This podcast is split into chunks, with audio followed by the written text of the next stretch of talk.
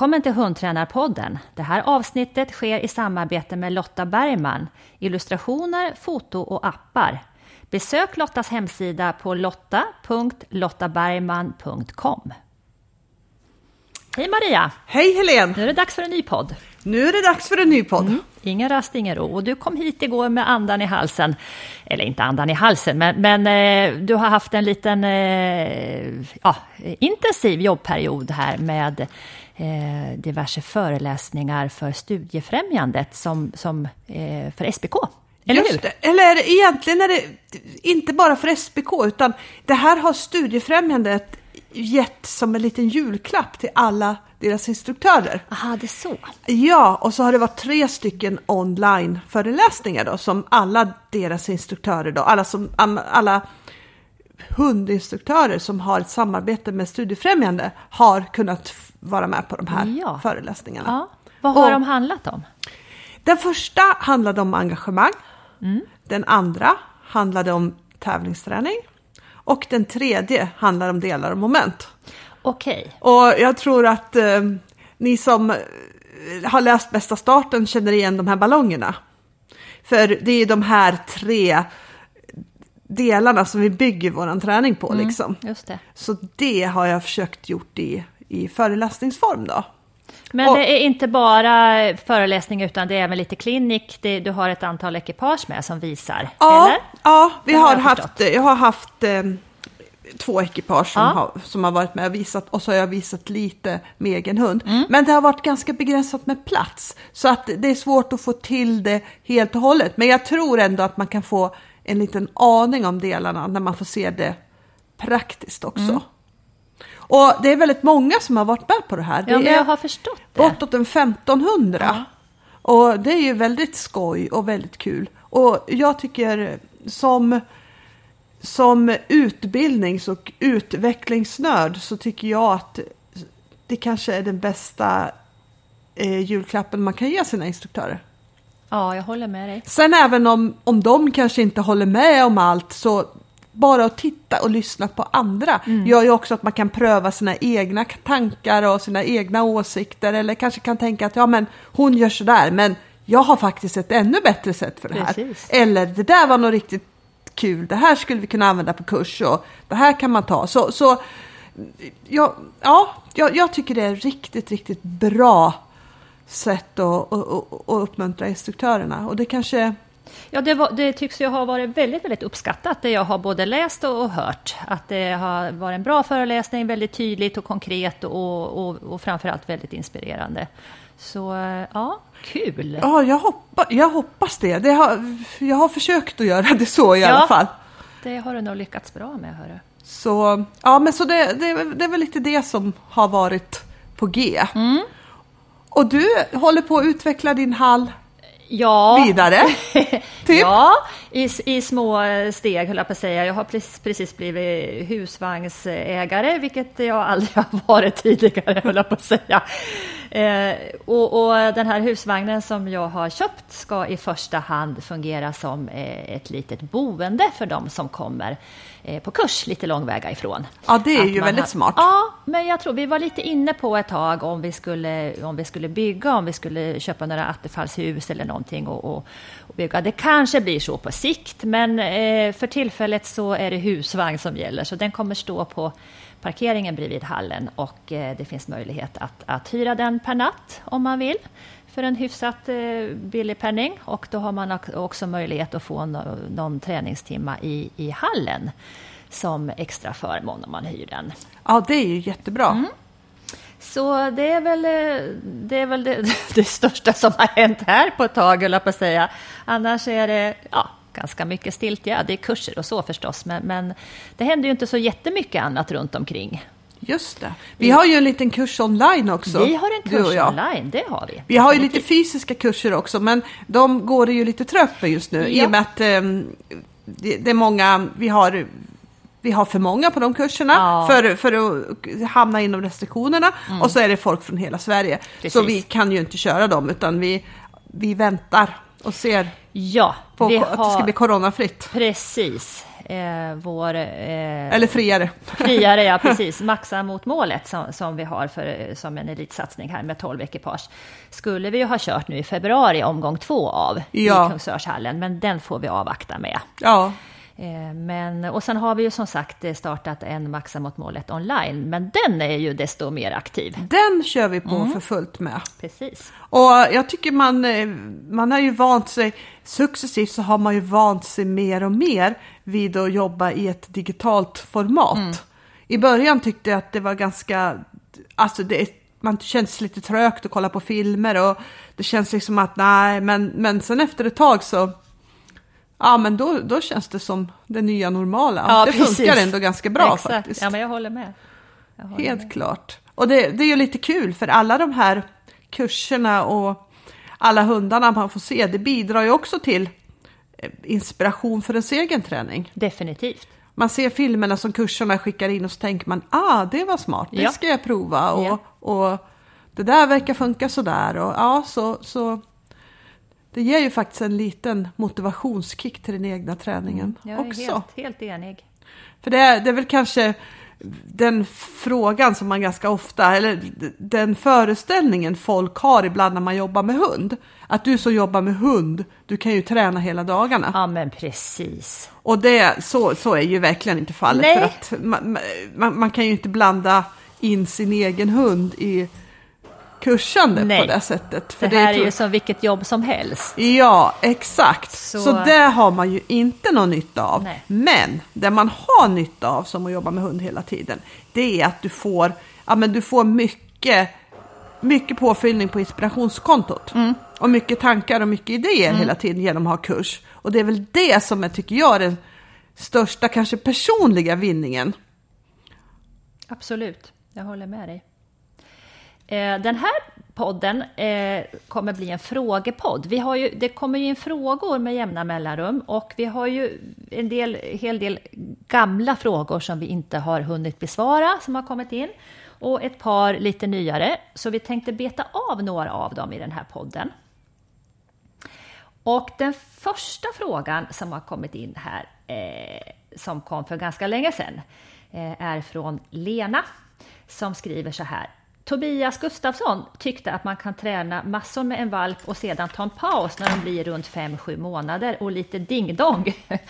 Håller ni med? Unge, ungefär hur länge håller denna period i sig och vad, vad bör man satsa på under tiden? Min valp är ungefär fem och en halv månad. Den är förmodligen betydligt äldre nu när vi... Förmodligen, Ja. men frågan kan kanske vara intressant för många ändå- fler. Ja, Ja. precis. Eh, och jag kommer ihåg att Tobias pratade om det, att, att eh, runt den här eh, första könsmognaden vid, vid runt sju månader, att han låg lite lågt med träningen. Och jag tänker för egen del att det beror säkert lite grann på om man har, bara har en hund att träna till exempel, vilket kanske många har, då kanske man inte ställer av hunden helt och hållet, utan jag tänker att man kanske tränar, man kanske lägger upp träningen på ett lite annat sätt när man märker att hunden helt plötsligt inte är riktigt lika mottaglig som den var när den var eh, tre, fyra månader. För då, då är det ju ofta, valparna är ju ofta väldigt, väldigt eh, mottagliga för träning när de är små. Ja, helt sant. Eh, och, och man kanske ska tänka till lite grann att kan jag lägga upp det här på ett annat sätt? Kan jag göra det lite enklare? Kan jag träna på andra saker? Och så vidare. Så, så tänker jag i alla fall. Hur tänker du? Ja, jag tänker nog precis likadant som du. Eh, jag tror inte att jag på någon av mina hundar har märkt den här perioden som speciellt, som något speciell eller speciellt svår eller, eller någonting sådär. Och, och, och jag har nog tänkt att liksom att det är kanske en motivations... Det där med att man jobbar sig igenom genom att öka liksom lite motivationen för träning så att hunden liksom tacklar det. För att jag, jag, jag, jag, jag tycker den tanken är ganska bra. Men jag tror att alldeles för många när du får problem med träningen så skyller man på att hunden är i den och den perioden. Istället för att liksom riktigt ta tag i det här och jobba med det här. För man tror liksom att ja, men den här, det här kommer att gå över sen. Men väldigt ofta så gör det ju inte det. Utan väldigt ofta är det saker som man behöver ta tag i i träningen snarare. Så, så jag tänker nog också att jag skulle lägga upp träningen på ett annorlunda sätt. Men jag vill nog definitivt hålla träningen I igång. liv, ja. Ja, Ja, och jag tror att vad Tobias kanske syftade på är när, när han har, har eh, tjänstehundar i träning och så vidare, att han kanske ligger, menar, har man jättemånga hundar i träning och man märker att, att hunden kommer in i en, en fas där den inte riktigt är mottaglig, så kanske man kan låta den eh, ta det lite lugnare medan man, man tränar mer med de andra och så vidare. Men har man då bara en hund så blir ju det, då blir det li, lite tomt och inte ha någon hund att träna alls. ja men, ja, men precis, precis. Och jag tror med de flesta grejerna att man behöver jobba igenom dem. Liksom. Att, att det är väldigt få saker som verkligen går över utan träning. Mm. Utan det är nästan alltid så att man behöver ja, men träna på grejerna. Ja, fast kanske ändra lite grann som sagt. Höja Absolut. motivationen, engagemanget och kanske inte träna på så svåra tekniska saker som... Exakt, så speciellt vidare, så. inte där det kanske är lite stökigt eller det Nej. finns mycket frestelse för hunden då. Precis. Så att, Vi hoppar över på nästa fråga eh, som är från Benedikte. Eh, som skriver på norska, men jag försöker att översätta här. Jag tänker på hur, hur tränar ni hunden att känna igen de olika eh, övningarna, momenten, eh, innan, den, eh, innan ni ställer upp på startpunkten? Vilka rutiner brukar ni använda för att hunden ska förstå att den, det till exempel är fjärr och inte inkallning? Eh, och att den ska hitta till ko, de, konen innan dirigeringsrapporteringen och inte titta efter rutan och så vidare. Jag bollar över den till dig först. ja, eh, där använder jag olika rutiner. Som kan vara, det kan vara ord, det kan vara hur jag går framåt momentet, det kan vara någon typ av kroppsrörelse som, som jag gör. Eh, och det gör jag alltid som en rutin inför varje moment. I starten, när jag börjar träna momenterna, så är momentrutinen ofta ganska överdriven. För att i, i momentrutinen så vill jag också lägga rätt känsla. Och till exempel i ett fjärr så vill du ju ha ganska mycket känsla och power. Du vill ju absolut inte, när man lägger en hund på ett fjärr och går iväg så vill man ju absolut inte att hunden ska vara avslappnad i musklerna. För fjärr är ju ett riktigt power-moment. Det är en väldigt blandning mellan, mellan stadga och power. Så där har jag liksom en slags rutin och i början som sagt är det lite överdriven. Till exempel att hunden kanske får hoppa lite vid sidan om mig eller framför mig och sen pang in i sitt och sen ner. Och, och alla momenten har sina egna rutiner. Och det här gör jag alltid, alltid, alltid inför momenterna. För att om en momentrutin ska kunna funka sen på tävling så måste det ju dels bli så liten och diskret så att eh, det hamnar inom vad man får göra på en tävling. Och lite petigt på en lydnadstävling, lite mindre petigt på en brukstävling kanske. Så, så, så nummer ett, det, det är ju liksom vad, vad den ska, liksom eh, få hunden i sinnesstämning och en liten, en liten sån här rörelse. Ja, jag är helt enig med det här att, att momentrutinen inte bara talar om för hunden vilket, vilket moment som komma skall och vad den ska göra, utan också sätta den i rätt, eh, i rätt mod.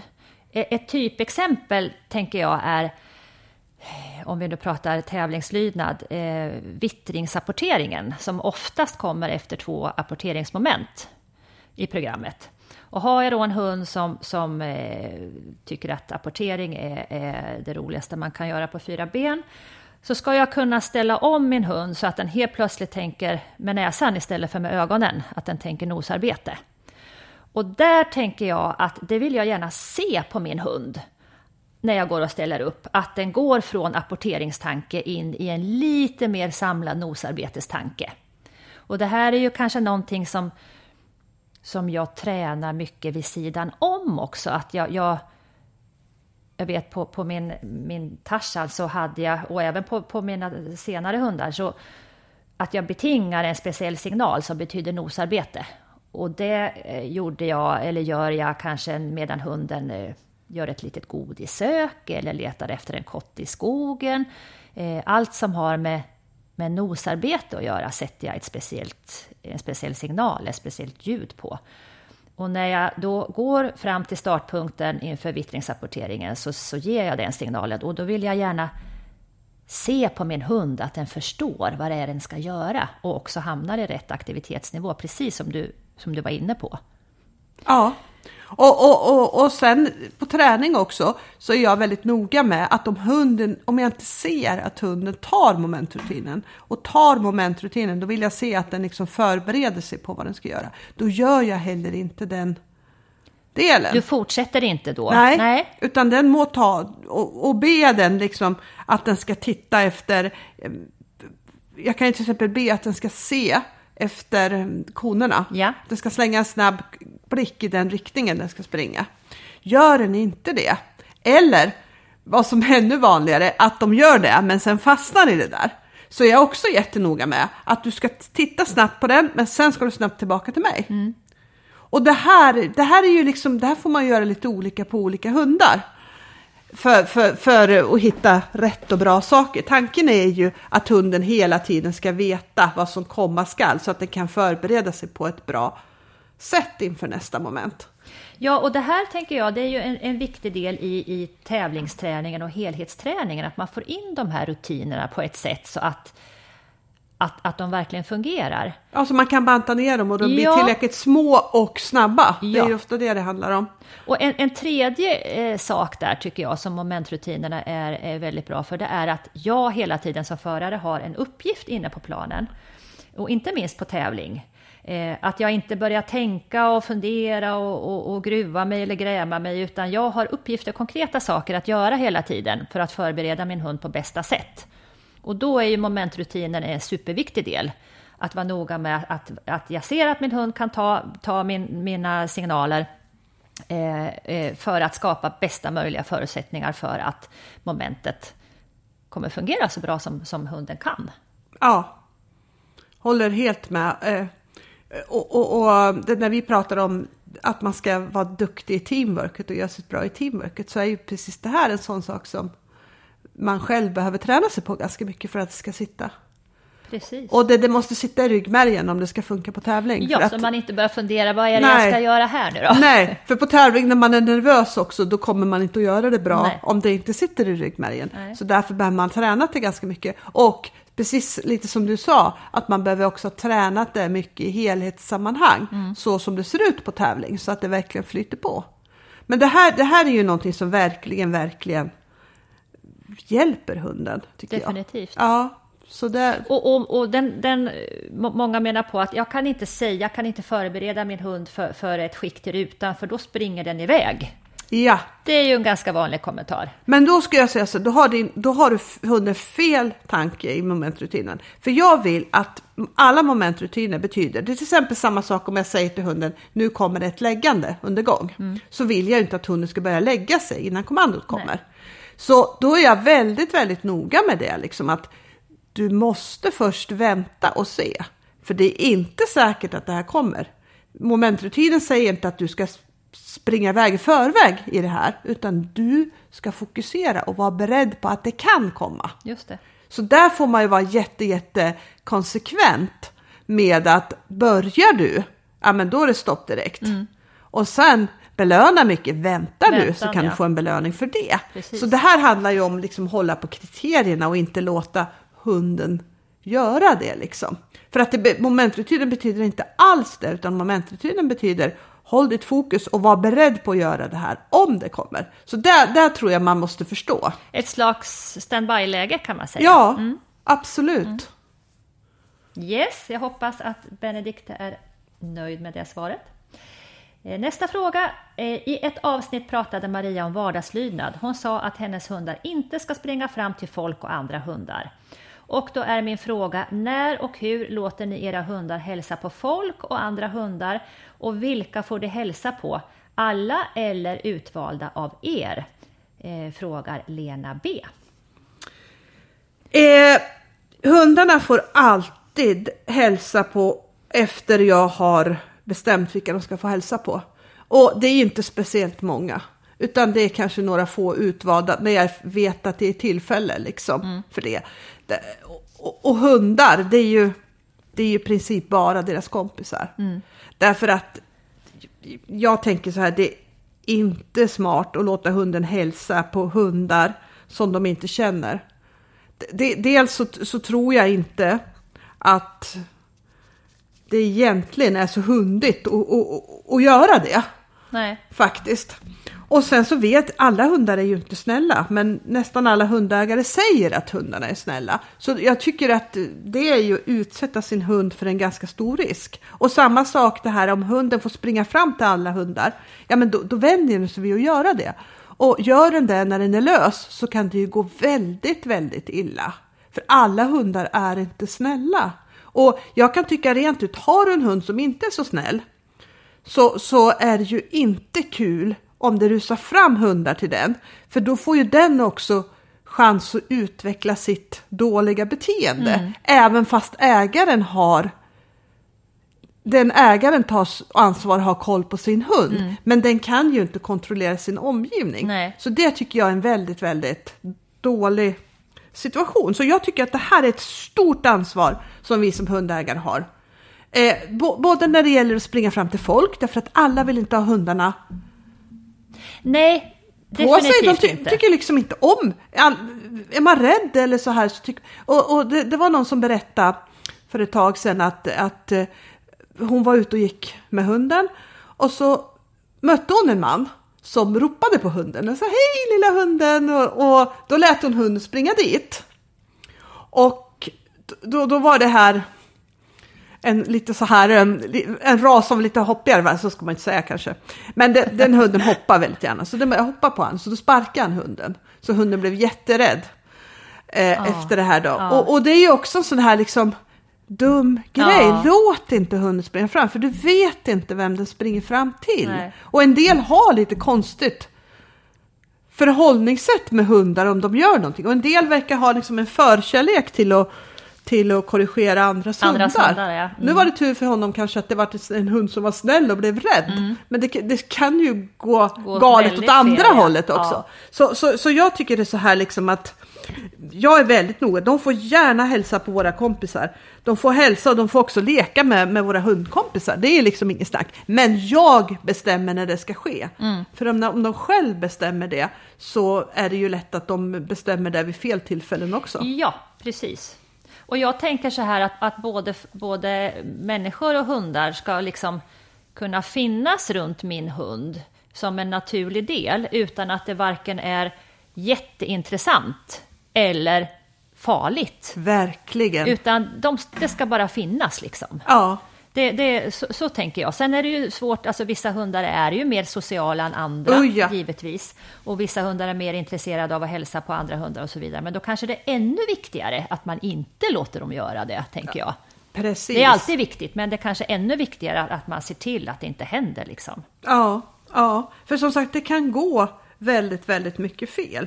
Och det kan jag tycka ibland när man hör folk, ja men utomlands när alla hundar springer ute på gatan, eh, de är ju så bra kompisar och, och, och De där lär blir det aldrig några konflikter. Ja, det är ju en vanlig... eh, Och jag menar, om, då, Ja. då, då säger jag, jag har sett ganska mycket gathundar genom min, mina resor här och var och överallt. Och jag kan ju säga att det är en väldigt romantiserad bild av gatuhundarna. Mm, jag. Mm. Herregud. En del ligger under buskar och trycker hela Mm. dagarna för att de får stryk så fort de kommer ut. Och, Mm. att det, det är verkligen inte det är verkligen inte bara att släppa ut dem och sen så kommer alla hundar att må jättebra Nej, i den här flocken. Nej. Liksom. Funkar inte så, verkligen inte. Men däremot så sagt, eh, mina hundar kan gärna ha kompisar, men Mm. då känner jag till de hundarna och hu- hundarna känner till de hundarna. De Precis. har en bra connection och en bra relation. Då gärna Mm. Då funkar det, får de springa och leka med dem Ja. och det, allt är jättebra. Men som sagt, jag bestämmer. Ja, vi bestämmer. Ja, vi bestämmer. Eh, då ska vi se. Hej, vill gärna höra vad man ska tänka på när man tränar små hundar, typ havaneser etc. Och vad är speciellt med det? Den frågan får du starta med. Ja, nu har ju inte jag erfarenhet av, av havanes direkt, men, men eh, jag har er, lite erfarenhet av små hundar. Min allra första eh, hund som jag började träna och tävla med var en Jack Russell på 25 centimeter. Eh, och eftersom det var min, min första hund, eller jag är uppvuxen med, med, med vinthund, med whippet, men det var liksom ingen hund som jag tränade, utan det var en familjehund. Men men jag tänker på, på Jackson då, som var min första hund som jag tävlade med. Jag hade ju inte så mycket att jämföra med. Utan eh, jag, jag fick liksom... Ja, jag, jag fick bilda mig en egen uppfattning och göra nya erfarenheter. Och det här var ju... Eh, det var början, det var 2022, 2023 någon gång. Eh, nej, eller 2002, 2003 menar jag. nu gick jag händelserna i förväg. 2002, 2003 måste det ha varit. Eh, och, och, det var ju det var inte jättevanligt på den tiden att man, man liksom kom på, på en tävlingskurs på Brukshundsklubben med en, en Jack Russell, utan det var mest eh, brukshundar, chefer och rottis och en och annan retriever. Så, så och de, de råd och, och de tips som jag fick eh, kanske inte riktigt passade min lilla terrier. Eh, vissa gjorde det, men inte alla. Så att det här gjorde ju att man, eller jag fick tänka lite utanför boxen. Lite, jag fick tänka lite själv, bli lite ja. kreativ. Eh, och då började jag fundera över vad ser han egentligen? Ser han samma sak som, som min, min eh, kurskompis chefer gör när jag ska skicka honom till en apport eller en kon? Eller, eller vad, hur ser hans eh, synfält ut? Så, och bara där, genom att liksom gå ner på, på hans nivå, så, så, så upptäckte jag att ja, men han har ju en helt annan bild av, av, av världen och träningsplanen än vad en lite större hund har. Och utifrån det kunde jag liksom lägga upp träningen på, på ett, ett sätt som, som passade honom bättre. Eh, sen tänker jag rent, rent träningsmässigt i övrigt kanske det inte är någon jättestor skillnad. Det, visst, det kan vara skillnad på en terrier och en, en brukshund, men, men där tänker jag att skillnaden egentligen är mindre. Den, den största skillnaden tror jag är vad hunden ser och inte ser.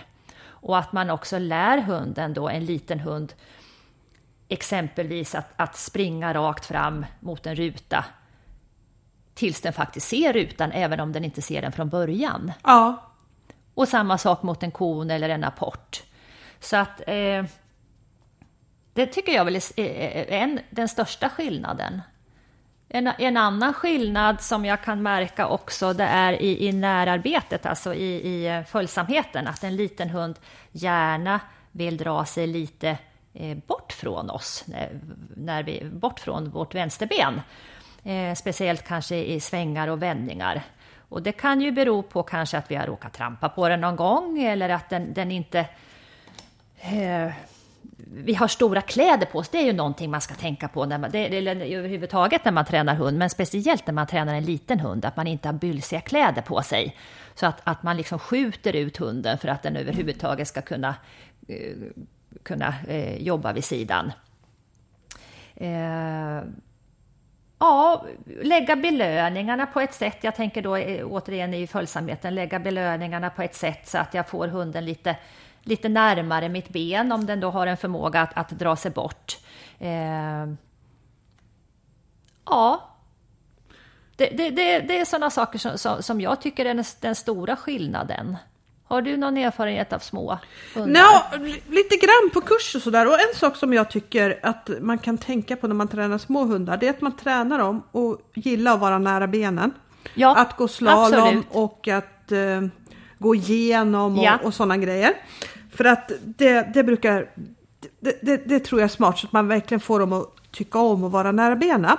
Men då är det också jätteviktigt att man inte trampar dem. Mm. Så, så, så jag tänker att med, med, med, med, små hundar så skulle jag alltid ha på mig ett par väldigt tunna skor när jag tränar, mm. även på vintern. Mm. Aldrig någonsin ha kängor eller något sånt där.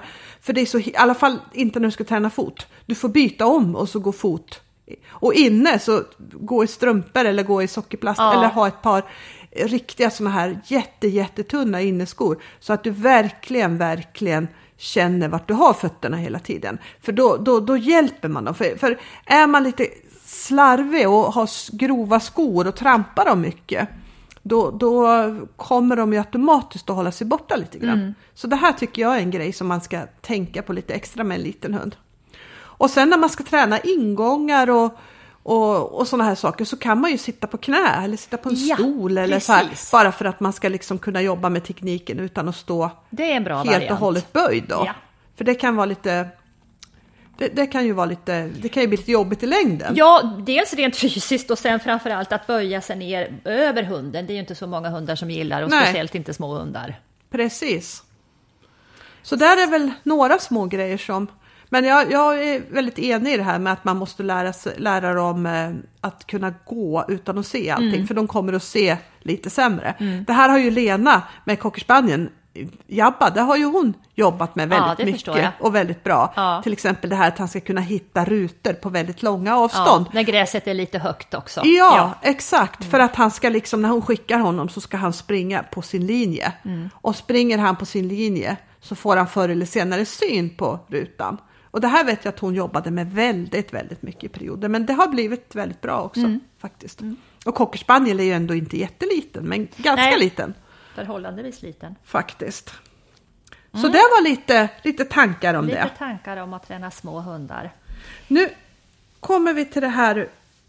Nu kommer vi till en fråga som kommer från Veronica där hon frågar. Jag funderar över detta med startrutin. Hur viktigt är det egentligen och vad är syftet? Du bollar över till mig? Ja. ja. eh, och då undrar jag egentligen om, om Veronica menar startrutin när jag startar upp min träning rent allmänt eller startrutin innan jag gör en ingång på planen. För det skiljer sig lite grann eh, från i mitt fall. Eh, att jag, liksom, jag startar igång min hund i, i träning, i en uppvärmning till exempel. Eh, då startar jag igång den på, på eh, en fras, eh, är du med eller ska vi jobba eller nu kör vi eller någonting sånt. Eh, och då vill jag att min hund eh, ska bjuda upp till träning själv. Att jag är lite passiv och min hund säger ja, nu kör vi. Och då vet jag att då är den redo att träna. Men jag, jag misstänker att hon menar startrutin inför att gå in på, på eh, och göra kanske en bana. Ja, någonting. eller gå in på Eller gå in tävlingsplanen. på tävlingsplanen. Eh, och då eh, tänker jag att för mig är det jätteviktigt och jag tror också att det är jätteviktigt för min hund. Och syftet med startrutinen, det är ju just att hunden ska känna igen situationen. Att, att jag får hunden i det fokus som jag behöver ha just för att, att gå in och starta upp ett, ett eh, ja, tävlingsprogram eller, eller gå en bana på träning. Eh, och att det finns en igenkänningseffekt, att det här är någonting som vi har gjort massor med gånger på träning som hunden känner igen så att det blir absolut ingen skillnad när vi kommer till skarpt läge och ska gå in och prestera på en tävlingsplan. Eh, och jag vill också lägga rätt förväntan på min hund där, att den är med direkt. Eh, när jag liksom sätter den i, i startläge. Att hunden är fokuserad, att jag inte behöver tjata på den, att det, att det finns ett engagemang och en, en, en vilja att ja, nu hänger, vi, nu hänger jag med, nu kör vi. Eh, så, så det här är någonting jag tränar jätte, jättemycket på och som ser lite olika ut också för mina eh, hundar. Eh, det skiljer sig inte jättemycket, men det ser lite olika ut beroende på att, att de är lite olika som individer. Ja, Hur tänker du? Jag tänker lite likadant. Det är startrutinen är mitt, min autobahn till ett snabbt fokus precis innan man ska gå på plan. Och det är också för att jag själv ska veta och för att hunden ska veta exakt. Vet vi inte när vi står där på startlinjen så är det lätt att man hamnar i tjatläget. Och det som händer när vi hamnar, i tjatläget det är att man skapar ett avstånd. Eh, vill, du, vill du skapa ett avstånd till vem som helst så ska du tjata på den. Det funkar jättebra. Och, och det är samma sak på hundar. Får du börja tjata så börjar du med ett litet avstånd när du ska gå in på plan. Och det blir verkligen, verkligen inte bra. Och, och då blir också det här så himla viktigt. Så jag kan tänka så här, kan du få din hund i perfekt modus när du, går, när du går in på plan och vet att du kan få det varje gång, ja men då kanske du inte behöver någon startrutin. Men om du inte är 100% säker på det, då behöver du en startrutin. Och jag, jag tycker det, det är en av de bästa grejerna jag har tränat in. För det gör verkligen att man vet att det kommer att gå bra. Jag kommer så väl ihåg när jag körde min första, jag körde min första klass 3 tävling på, på mässan. Det var, var det förra året? Ja. Eh, törs jag inte svara nej, på. Nej, det var, sist det var mässan så, så var det rankingtävling där och då hade jag med mig min mycket, mycket unga hund där. Och det var ju, det är en väldigt stökig tävling. Det är mycket folk och mycket hundar runt omkring. Alltså då när jag stod där utanför och väntade så kände jag verkligen så här, det här är liksom, det är första gången som jag går in med en så pass ung hund och vet att den kommer att följa med mig precis som jag vill. Och det tycker jag är skillnaden. För förut så har det har nog kunnat, jag har varit, jag har, ingången kan bli bra, och, och men, men jag har aldrig känt mig 100% säker där. Beroende på att du inte har tränat den lika mycket då? Eller vad? Beroende på att du har haft... Beroende på att jag inte haft någon rutin. Nej, du har inte haft någon alls? Nej. Nej, okej. Okay. Inte liksom, utan bara ja, någon, någon, slags rutin har jag ju haft, men jag har inte haft någonting som jag har gjort exakt varje gång. Inte och så inte genomarbetat? Haft, nej, nej, och inte någonting som jag har gjort i precis varje träning. Men det har jag haft nu med de två sista unga hundarna, så har jag haft, jag har jobbat igenom det mycket, mycket, mycket mera. Mm. Och resultatet har ju blivit jätte, jättebra. Mm. Så syftet är ju att få hunden i 100% fokus snabbt. Och, och, och där igen, det, det är grymt skönt att veta vad man ska göra precis när man står där. Mm. Jag tänker också lite om, om man ska hoppa över på den mentala biten. Eh, vad känner man när man står där? Vad vill man känna själv när man står där och ska gå in på, på eh, tävlingsplanen? Mm. Eh, det är ju lätt att, att man, man, man får ett stresspåslag och man tänker, man, man kanske dessutom känner att hunden inte är riktigt, riktigt, eller man, man, man litar inte på det, precis som du säger. Det kan gå, men det kan också eh, ja, fejla. Eh, men den känsla jag vill ha, det är ju att dels att, att jag känner att det här är så genomarbetat, jag känner mig säker. Eh, nu ska vi gå in, ställa upp och börja vårt program. Vi ska göra entré. Och jag tänker att jag vill sätta en känsla, inte bara i min hund, utan även i mig själv när vi går in. Som speglar ett eh, litet självförtroende och pondus. Jag vill veta exakt var startpunkten är så att jag kan gå dit och ställa upp. Jag ska inte behöva fundera över, liksom, åh, var det där eller var det där? Jag ska inte behöva tänka, utan jag ska veta, där ställer vi upp och där börjar vi. Och där kan man ju också spela lite grann, jag vet ni som har lyssnat på Kjell Enhagers föreläsningar, han pratar om power poses, att man, sättet man står på innan man går in kan påverka den känsla man får. Eh, så den jobbar jag ganska mycket med, att hitta rätt, rätt power pose och rätt känsla i mig själv så att jag kan gå in med självförtroende och känna att japp, nu kör vi. Inte börja liksom fundera och tänka åh, det här, det här kommer inte gå eller det här känns inte bra. Undrar hur, hur, hur, hur dirigeringsrapporteringen kommer gå nu för det har ju inte funkat så bra de sista träningarna. Utan inga sådana tankar utan bara ren i huvudet. Nu går vi in och kör. Det här är ju också en träningssak såklart. Det är ju inget man bara bestämmer sig för utan det är något man får träna på. Det måste man få träna på, ja. ja. Och det är ju verkligen det som är sammanfattande för en startrutin. Ja. Att den måste vara väldigt, väldigt väl intränad. Och hunden måste tycka om att göra den också, för annars blir det sällan bra. Ja. Sen är som tredje tips, det ska vara någonting som man kan göra utan att störa ekipaget innan. Och ja. det måste, behöver kunna gå ganska snabbt. Kanske det är någonting som man kan göra på på Mellan 10-20 sekunder ja, kanske. Ja, precis. Faktiskt. Så, så startrutin är oh, väldigt, oh, oh. väldigt bra. väldigt bra verktyg faktiskt. Ja, bra. Vi hoppar över till eh, nästa fråga. Får era hundar några längre viloperioder för, från träning eller tränar ni lika mycket hela året? Undrar mys, mysmat, mysmatte är det nog. Hunden heter nog my, mys, my, mysmatte. Eh, ja. Ja, när, när livet är normalt för min del så reser jag ganska mycket. Och då får ju hundarna naturliga träningspauser. Mm. Och det får de ju hela tiden. För rätt som det är så är jag borta en vecka, då blir det ingen träning. Så att eh, det, det händer ju ofta att jag tränar väldigt mycket i perioder när jag är hemma. Därför att det, då då det går att träna. Och sen så ja, blir det några dagar eller kanske någon vecka en veckas uppehåll och ibland ännu mer om man är borta ännu längre då. Så, så, så för mig så, tror, så får de hela tiden naturligt träningspass, så jag behöver inte tänka på det. Förutom då året som har varit, för då, då har man ju varit hemma. Har det blivit mycket träning? Ja, Då, då har man ju varit hemma på ett helt annat sätt. Men ja, det blir ändå naturligt, för i vissa perioder så tycker jag så att man hinner inte träna. Så, så jag tycker inte, jag tror inte jag behöver få in det på ett naturligt sätt i träningen. Jag tror att det kommer ändå.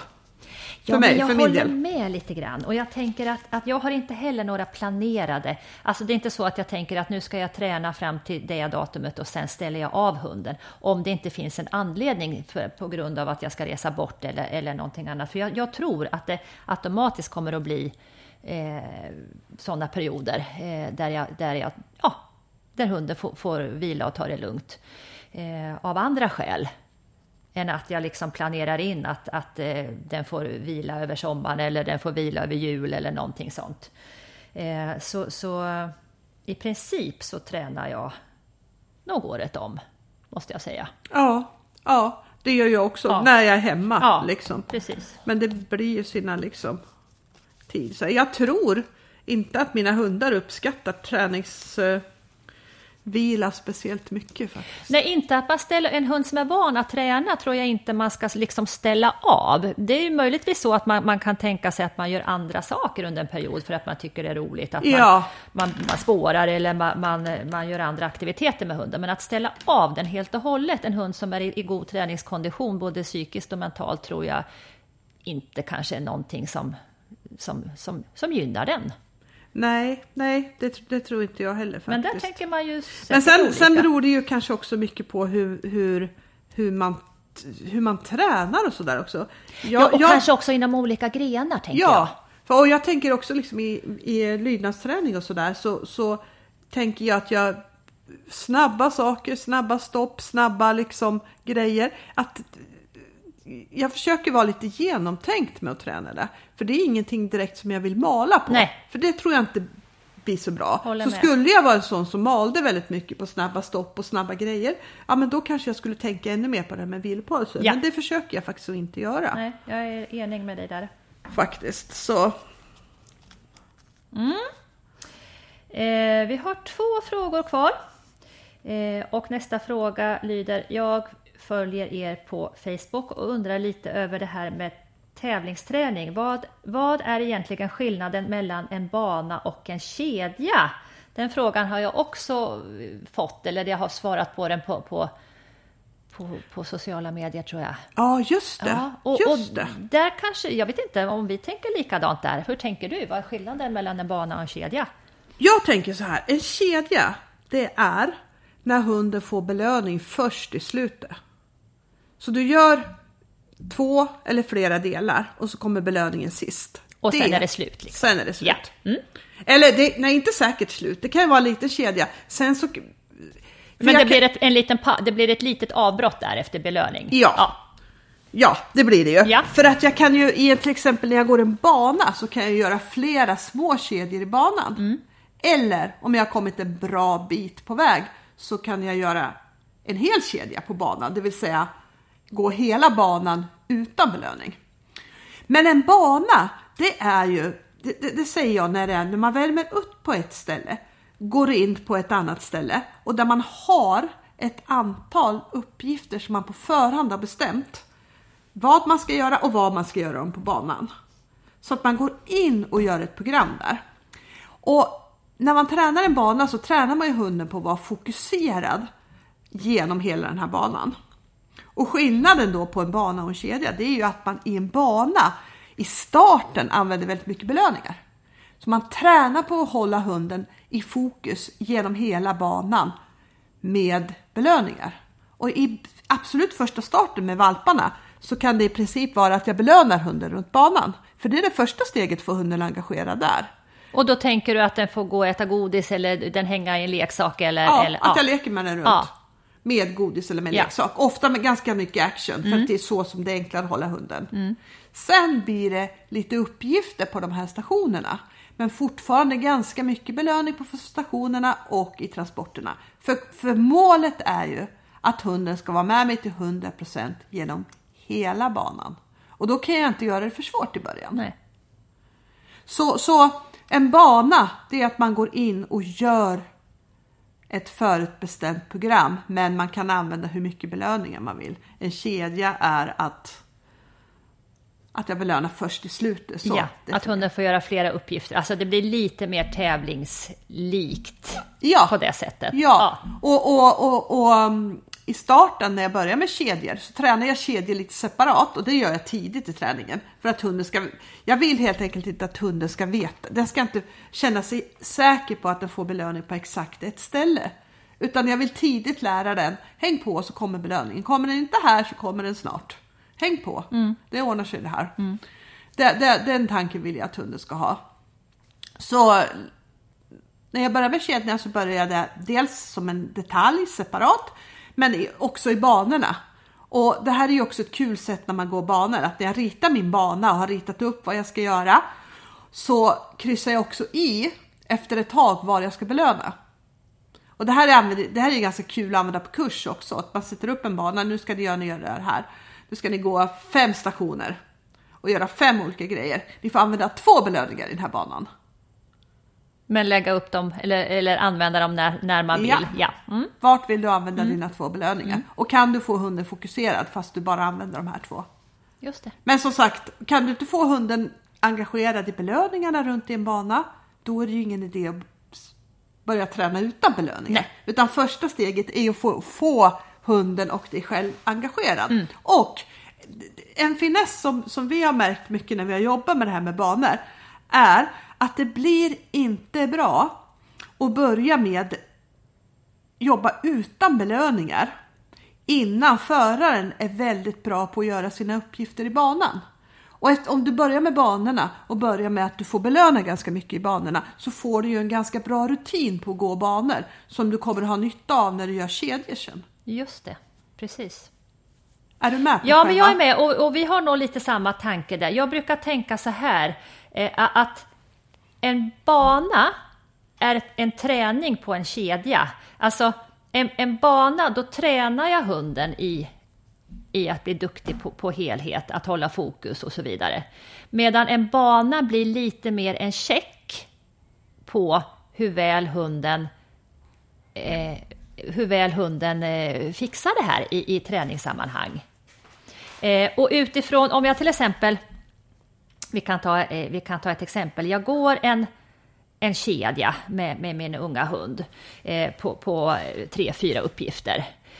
Och jag gör mina förberedelser och så vidare. Och sen så, så gör jag det här ganska tävlingsmässigt. Det behöver inte vara helt tävlingsmässigt, men jag, det innebär att jag, jag belönar inte och jag gör inga, inga stora saker som jag inte kommer göra på tävling. Eh, och utifrån det sen så kan jag se att ja, den här övergången här emellan, där blev min hund lite frustrerad när den inte hade liksom, eh, när det bara blev en tävlingsbelöning. Eller här fick jag inte med mig min momentrutin riktigt. Och då kan jag i nästa pass gå en bana som ser ungefär likadan ut, men där gör jag små justeringar i form av att jag hjälper hunden mycket mer eller att jag lägger in belöningar på strategiska punkter. Förstår du hur jag tänker? Ja, Ja. jag tror det. Ja. ja, ja, ja. Så, så eh, jag tror att det här med bana och kedja beror lite på vad man lägger för, för värdering eh, eller betydelse själv i, i ordet. I, absolut. Absolut. Och det huvudsaken det, det är ju att man själv att man själv vet vad man menar. Ja, Och, och vet vad man gör då, tänker jag. Precis. Men det här med att göra saker i en helhet, det är ju det väldigt många behöver träna på. Mm. Både hundar för att känna sig bekväma i situationen och sist men inte minst förare. För vi behöver ju också känna oss bekväma med att göra våra tävlingsmässiga uppgifter. Absolut. Så, så jag tror så här, minst en bana i varje träningspass. Ja. För att eh, det här behövs mycket, mycket träning på. Ja. Och det är kanske det man ser tycker jag när man är på tävling. Ja, du som Eh, dömer mycket ja, måste ju så se. dö- Ja. dömer inte mycket, men jag dömer en del. Ja. Så när, även när man är på någon tävling eller tävlingsledare eller whatever. så ser man ju ofta det här att hundarna inte känner igen sig. Nej. Man kan ana att de faktiskt kan momenten mycket bättre än vad Mm. de visar upp. Men de känner inte igen själva situationen Nej. därför att de inte är vana att jobba på det sättet. Och föraren är inte heller van att jobba Nej, i... och då blir det ju dubbelt så svårt ja, liksom. Precis. Så det här är ju verkligen någonting som vi vill sprida Mm. och som vi vill få alla att träna mycket mer på. Bara för att täv- tävling ska bli så väldigt mycket bekvämare för hunden och för oss själva också. Och det, det blir roligare Mm. Ja, det om man blir är tränad på det liksom. Så. så det var lite skillnad mellan kedjor och banor. Ja, vi har sista frågan. Eh, ni pratade i förra podden om vikten av att gå framåt i träningen. Om man inte är så erfaren, hur vet man då vad nästa steg är, undrar Mia. Jag bollar till dig. Eh, ja, man kanske först och främst ska göra en liten lista på vart man vill komma och var, vilka steg som man tror att man behöver göra för att komma dit. Så att man har liksom det, så man har lite koll på, på ja, men vad, vad, vad det är jag vill lära hunden. Eh, och, och, och sen jag, jag tänker så är man helt ny och behöver någon slags liksom, tydlig vägledning, titta på checklistorna till bästa starten. För där hittar du lite stegvisa där kan du se lite vilket, vilket, hur du kan ta nästa steg. Och de i- checklistorna kan man ladda ner gratis. Ja, på www.nolimitobedience.se och där kan du se lite hur du kan gå framåt. Och jag tänker så här att man ska gå framåt varje gång som man märker att hunden direkt hunden börjar förstå en del så behöver man gå framåt pytte, pytte, pytte lite grann. Så kan hunden gå två steg i fot, ja men då behöver man ganska snabbt komma upp kanske till två och ett halvt steg i fot eller tre. Och sen, sen om hunden kan gå tre steg så går man ju inte bara framåt hela utan man växlar ju då. Man kanske belönar efter en meter, efter två meter, efter en meter, efter tre meter. Så att man hela tiden håller på att flytta fram och tillbaka sådär. Men det viktiga är att man går framåt. För ett, ett väldigt vanligt misstag, det, jag tror vi pratade lite om det i förra Ja. podden. Det här med att man tränar väldigt mycket. Jag brukar ge exempel på kryp och på fot. Att jag brukar lite skämtsamt säga att jag skulle bli miljonär om jag hade fått betalt för alla gånger som jag sett ett perfekt fot och ett perfekt kryp i tre steg. I tre steg. Ja, ja. Men sen så är det sällan att, att det där blir ett riktigt bra moment i slutändan. Och jag tror att det nästan alltid beror på att man ligger alldeles för länge på steg 1, 2, 3 och sen så går man till steg 25. Ja. Därför man tänker, nej men nu har jag använt mig till en tävling, nu måste jag ju gå fyra meter eller nu måste jag ju gå en och en halv minut fot istället för tre steg. Och jag tror det här handlar till viss del om att, att man, man, man är lite bekväm. Man vet att de här tre stegen, de blir ofta bra. Man Ja. får chans att belöna, man, liksom, man håller sig inom sin, sin comfort zone lite grann där. Och sen har man svårt att, att kliva utanför, för då vet man att nu kanske det inte kommer bli lika bra steg fyra. Nej. Och då är man lite rädd för det, för man vet inte hur man ska hantera det. Och därför så ligger man kvar för länge och sen som du säger så blir det istället ett jättekliv. Ja, och då tappar man säkert. Man Ja. kan tappa både motivation och tryck och eh, vad heter det, teknik också då för Och den delen. självförtroende. Och självförtroende, ja nog så viktig del. Så när, man känner att man kör fast sådär, då kan det vara ganska smart att, eh, jag tycker så här att man kan rita upp en stege. Ehm, alltså, Ett, en, ett, trapp, ett trappstege, ja. ja, en, Ja. en stege som man klättrar upp på ett tak med. Och så sätter man längst upp, vart vill jag komma? Mm. Ja, men jag vill komma hit och hit. Vilka steg behöver jag nog ta då? Och så skriver man bara upp det. Just Och det. fastnar man mellan två steg, då kan man säga att då behöver jag hitta ett mindre steg mellan Just de det. två stegen. Eller kanske flera mindre steg. Mm. För att förklara för just för min hund hur vi ska ta oss till det här steget. Jag älskar ju att se visuellt, så för mig är det där en jättebra grej. Och jag tror må- många, många andra också, att det blir väldigt tydligt med den här stegen. Ja, men precis. Så att, och jag tror att, också väldigt, att det är väldigt viktigt ty- tydligt för en själv att man vet vart nästa steg kommer att, att bli. Och när man gör sådana här planer så är det jättesmart att man är väldigt konkret. Att man inte skriver en roman där, utan jag vill kunna titta på min stege. Ja, Jag har krypit två steg. Nej, nej, det har jag inte. För det ska, jag har krypit ett steg. Då är nästa, då ska jag få fram tre steg. Ja. Och så fem steg. Och så sju. Så inte, inte mer än att liksom exakt det här Ja, det. ska jag göra. Och det, det tycker jag kan vara en jättebra hjälp. Och, och, och sen att man kommer ihåg det där att när det går bra, då ska man gå framåt. Det spelar ingen roll om du har en liten valp eller om du har en vuxen hund. Liksom, går det bra så ska du framåt.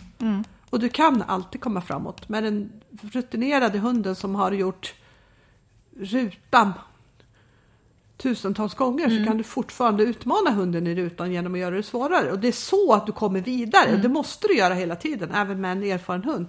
För Ja, annars tappar definitivt. både du och hunden sugen. Ja. Liksom. Om man inte försöker jobba framåt så kommer man gå bakåt. Så Ja, precis så är det. Faktiskt.